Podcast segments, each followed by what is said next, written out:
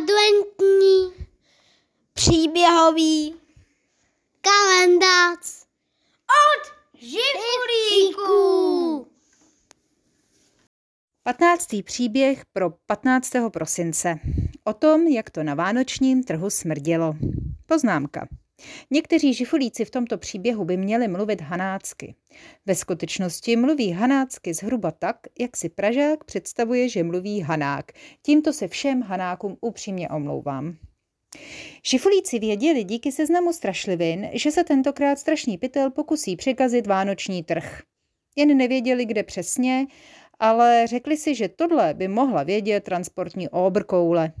Poprosili ji tedy, aby je zanesla tam, kde bude řádit strašný pytel tentokrát a sami byli zvědomí, kde se objeví. Koule se koulila a všichni v ní sní, až se nakonec vykutálili, tam, kde se vykutálili a nevěřili vlastním očím. Protože oni si tak trošku mysleli, že ten vánoční trh, který strašný pytel bude kazit, bude přeci v Praze. Já myslel, že budeme v Praze, nechápal Žilka Pilka kde se vzali uprostřed neznámého náměstí plného malých domečků. Je, hele, ale je to kluziště, zavísknul kamínek ramínek a už se žifulíkům lepšila nálada. A tamhle je obrkolo, ukázal hubka pupka směrem k obrovskému kolu, které se točilo nad náměstím a vozili lidi až úplně nahoru. A Bůh ví proč, je tamhle velká želva a kluk, co drží delfína. Nebudeme někde u moře? Ukazoval jeho Lahoda směrem ke zvláštní kašně.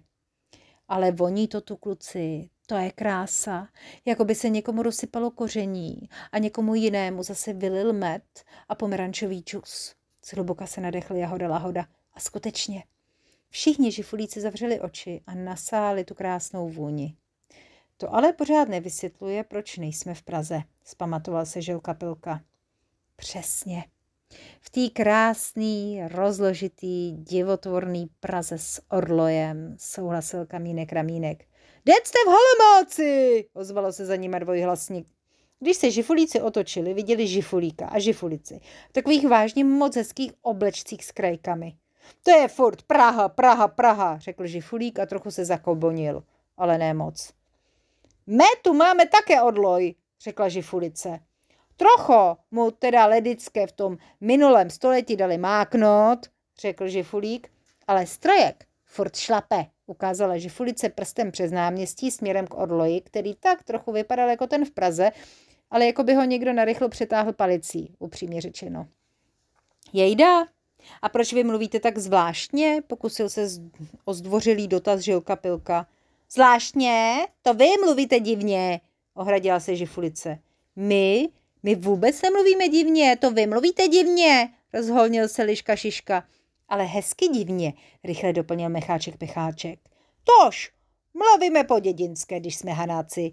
My jsme žifolice z Holomóca. Tak hlavně, že si tak nějak rozumíme, ne? Uzavřel nářeční nepokoje mezi žifulíky a žifolice Žilka Pilka. A mně se to moc líbí, jak mluvíte. V tom vašem mluvení by se jeden hned ustlal, souhlasil Jahoda Louhoda. Viď? Souhlasil holomoucký žifolík. Ale kdybyste si chtěli stlat v mluvení tady ledičké, tak byste si už moc nepospali. Po dědinsku už mluve snad jenom trpasléci. Jakmile si vše žifulíci a žifolice vysvětlili, už se žifulíci starali o to, jak se dostat do Prahy za strašným pytlem, když, tak, když to tak koule tak strašně popletla. Chtěli to vzít pěšo procházkou, aby si protáhli nohy. Šórem! Jenda, mane, do Prahy, nedojdete šórem. Praha je odsud 250 kilometrů, to radši zase nasedněte do té své baňky, ukázali holomoští žifolice na transportní obrkouli. A pak se to stalo. S tou čarokrásnou vůní Vánoc na trhu se začalo dít něco prazvláštního, něco zneklidňujícího. Ta vůně začala smrdět. Hm, a máme jasno, zvolali žifulíci. Strašný pytel smradí vánoční trh v Holomóci.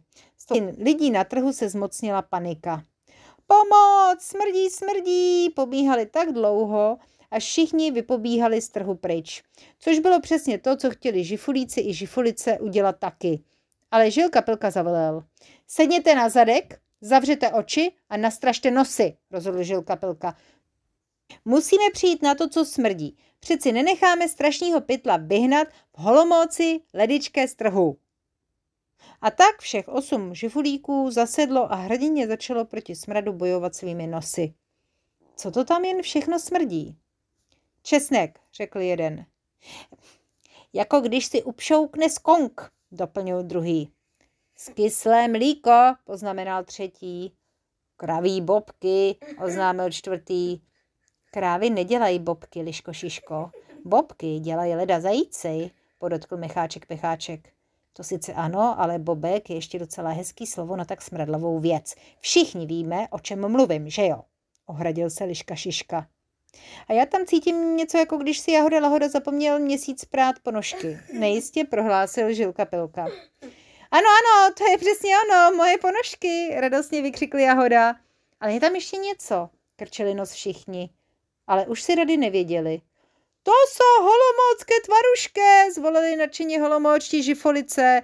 Jak vy Čechuni říkáte lomoucký syračky a krčéte své belectěné nosánky. Je to veliká, veliká dobrota. Ale vydatně smrdí, takže to všichni ostatní smrádě drží hezky noré hore. Podívejte, hore, ukázal Liška Šiška, nahoru na Olomoucké obrkoulo. On to pověsil nahoru na kolo. Skutečně, nahoře na kole viděl obrovský černý pytel, ze kterého se viditelně linul na zelenalý oblak smradu. Musíme nahoru, rozhodli všichni trpaslíci a okamžitě se vydali na nebezpečnou přímo akrobatickou výpravu za smradlavým pytlem přivázaným úplně na vrcholku kola. A že jich bylo osm a byli stateční a vytrvalí, netrvalo to ani celý den a už byli s pytlem dole. Rozhodli se, um, všechno, co se dalo, vydrhnout mídlem a zbytek dát do kompostu. Ale i když se jim to všechno moc hezky povedlo, pořád bylo na náměstí pusto a prázdno, protože tam chyběla vůně Vánoc. Musíme to tady zase zavonět, napadlo Mecháčka Pecháčka a obrátil se na holomócké žifolice. Pak se vrátí i ti vaši ledičke, že ano. Nevíte, jak bychom to tu mohli zavonět? Ale to víte, že ano, zatrousíme Františky, nadšeně zvolali holomouští žifolice. Tože to chcete dělat s Františky? nechápal žifulíci. Zatrosíme, zapálíme, vysvětlovali holomouští žifolice. Já žádnýho Františka nezapaluju, kategoricky prohlásil Hubka Pupka, čímž vyjádřil názor všech přítomných žifulíků.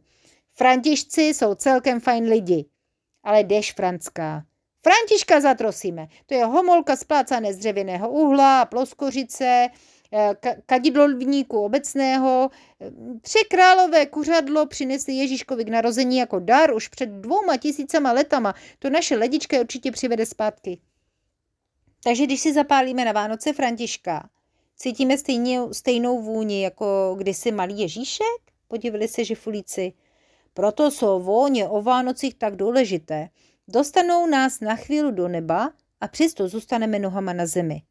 Tak poté na to, ať si můžeme odfrknout u frgálu a u tvaroške. Smála se na ně žifolice a už se všichni roztančili kolem malých, e, pro ně velkých, černých homolek a už se jedna za druhou zapálila.